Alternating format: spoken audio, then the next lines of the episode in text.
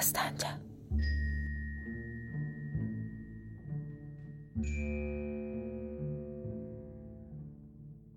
Bu düşüncələr içərisində gəlib Ninanın evinə girdim. Ev sahibi Minasyan məni qarşıladı. O Ninanın xəstələndiyini söylədi. Məni şiddətli bir həyəcan bürüdü, çünki mən yol üstündə idim. Onun xəstələnməsi və mənim onu xəstə ikən buraxıb getməyim olduqca uyğunsuz bir vəziyyət törədəcəkdi. Minasiyan qorxusundan dışarı çıxa bilmədiyini və daşnaqların Xiyourmu şəhərlərinə çəkildiklərini, habelə orada olan erməni kəndlərinə yaşamaq istədiklərini söylədi. O erməni ruhanilərinin ermənilərə dəvətnamə verib və onları general Sinarskinin istiqbalına getməyə məcbur etmək istədiklərini xəbər verdi. Otağa girərkən Nina yatdığını gördüm. Balaca Məcid dəsmal isladıb Ninanın başına qoymaq istəyirdi. İndi mənim bütün ümidim o uşağadır. deyə Nina qalxıb oturdu. Vaxt keçirdi. Mən heç bir müqəddəməyə başlamadan Təbrizi buraxdığımızı Ninaya xəbər verməli idim. Ninacan. İnqilabın birinci dövrü bitdi. deyə əlimi onun alnına qoyub hərarətini yoxladım. Eh, müvəqqəti olaraq dayanmış inqilabın hərəkat məntəqəsi indi mərkəzə köçür. Hərbi İnqilab Şurası buraxıldı gizlin hərəkət üsuluna keçirilməsi qərarı alınıb. Nina dərin bir sükuta daldı. O yenə hər zaman təkrar etdiyi kimi bilmirəm. Bilmirəm axırımız necə olacaqdır. deyib ağladı və başını çiynimə qoydu. Mən isə səbr et, Nina. Ürəyin inqilabçı ürəyi olsun. Sən bir çox təhlükəli vəzifələr ifa edən, heç bir təhlükədən çəkinməyən neynasan. Bu müvəqqəti haldan da qorxmamalı. Öz viqarını pozmamalısan. Bu saat son görüş saatımız olsa da, zənnimcə inqilab bizi yenə də görüşdürəcəkdir. Qız böyük bir heyrətlə Əcəba biz yarın bir daha görüşməyəcəyikmi? deyə dəlicəsinə soruşdu. Yox. Son görüş üçün gəldim, Nina. Sən Təbrizdə olacaqsanmı? Xeyr, e, bu gün getməliyik. Yoldaşların hamısı gedir. Hara? Hara gedirsiniz? İnqilabın tələb etdiyi yerə. Gələcəyəm. E, gəlmədən əvvəl də sənə məktub göndərəcəyəm. Rəşdə getməli, oradan da Tehran üzərinə hücum edən dəstələrə qoşulmalıyıq. Sən e, firqəçimisən? deyə soruşdu. Bəli, firqəçiyəm. Bu sözlərdən sonra Nina boynuma sarıldı. Dodaqlarım unudulmaz bir istilik hiss etdi. Ninanın evindən necə çıxdığımı bilmədim. Ancaq qoynumda olan bir dəstə rus parasını Məcidə verib qapıya doğru döndüyümü xatırlayıram. Dastanca. Bu gecə Səttarxan bir vida ziyafəti vermişdi.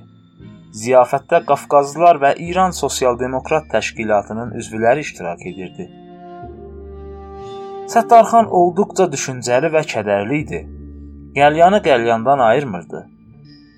Qəhrəmanın alnındakı dərin qırışlar çıxılmaz bir vəziyyət qarşısında qalan qəlbini ziyafətdəkilərə oxudurdu. Onun əymə və qosi qaşları tez-tez qalxır, alnının biri digərinin üzərindəki qaşları da kaman şəklini alaraq qəhrəmanın intiqam hissləri bəslədiyini andırırdı. Bütün çətinlikləri su kimi içən qəhrəman indi bir hərəkətdə böyük çətinliklərə təsadüf etdiyini anladırdı. Məclisi sükut bürümüşdü. Yalnız qəlyan tüstülərinə qoşulub dərin ürəklərdən çıxan ahlar eşidilirdi. Heç kəs danışmırdı. Hamı Səttarxanı dinləmək istəyirdi. Qəhrəman danışdı. lakin çox az. Bizim rusların qarşısına çıxmağımız, Təbrizi onlardan müdafiə etməyimiz çox da çətin deyil. Hər gəh mən bilsəydim ki, bizim çar ordusu ilə vuruşmağımız inqilabı müdafiə edəcək. Hər gəh ki İslamiyyədə oturan saxta müstəhid, saxta seyidlər bizim ruslarla çıxaracağımız ixtilafdan qazanmayacaq, yenə də vuruşardım. Rəfiqlərim, əziz silah yoldaşlarım, bizim vuruşmağımız faydasızdır. Çünki ixtilafdan əks inqilab rəhbərləri fayda götürəcəkdir. Buna görə də biz inqilabda qalib gələn Təbrizi çar ordusuna tapşırmağa məcburuq. Lakin bununla bizim inqilabda qazandığımız qələbənin qiyməti azalmır. Biz Qafqazlı yoldaşların inqilaba olan xidmətlərini, xüsusən Bakı işçilərinin köməyini heç vaxt unuda bilməyəcəyik. Qafqazlı yoldaşlar, Bakı və Tiflis işçilərinə mənim salamımı aparın. Biz 5-ci il inqilabının oğlunu böyüdəcəyik. Siz mənim dilimdən onlara söyləyin, Səttarın inqilaba xiyanət etmədiyini, yenə də öz yolunda durduğunu onlara xəbər verin. Səttarxanın bugünkü çıxışı və qıssa nitqi olduqca böyük təsir bağışladı.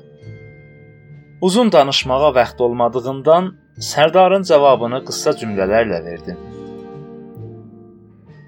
Biz Təbrizdən unudulmaz xatirələrlə ayrılırıq.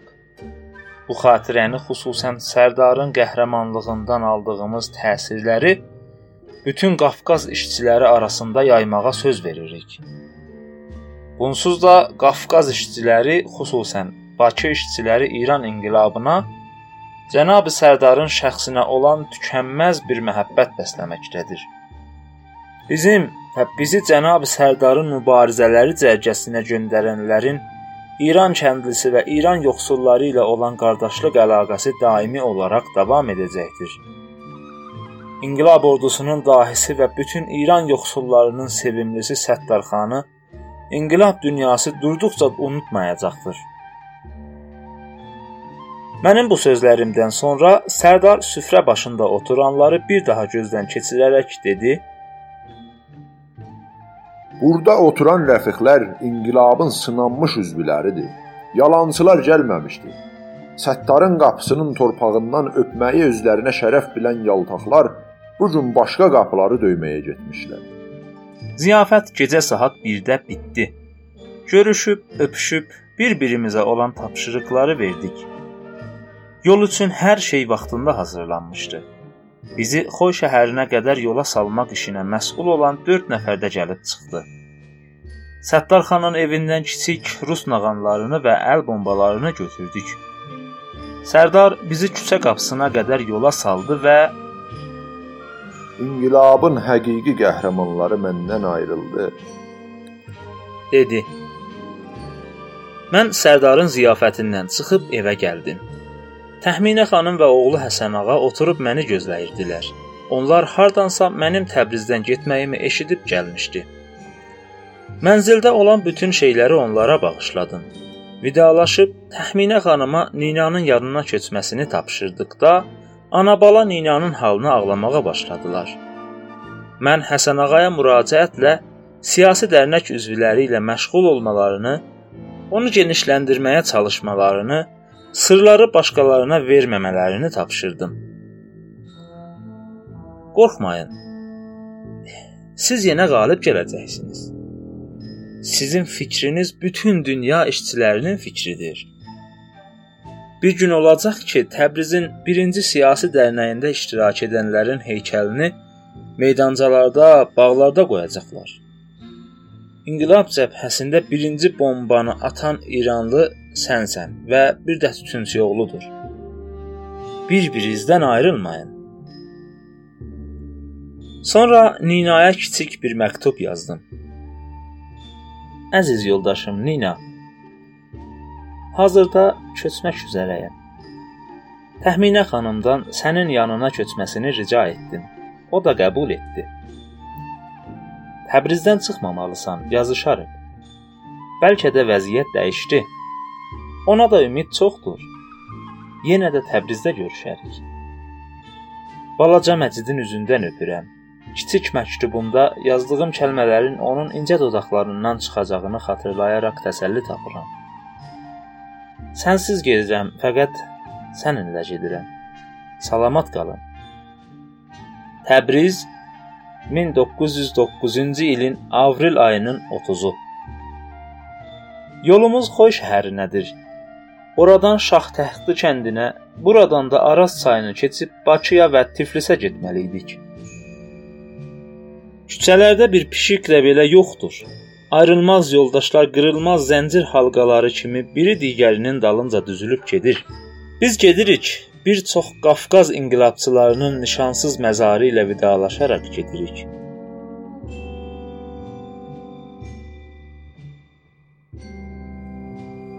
Kitabın adı Dumanlı Təbriz. Yazar Məhəmməd Səid Ordubadı. Hazırlayan Nurullah Purşərif. Bu bölümdə səsləndirdilər: Ravi Əhməd Qurbanı, Nina Saray Tahiri, Səttarxan Behnam Şahneməti.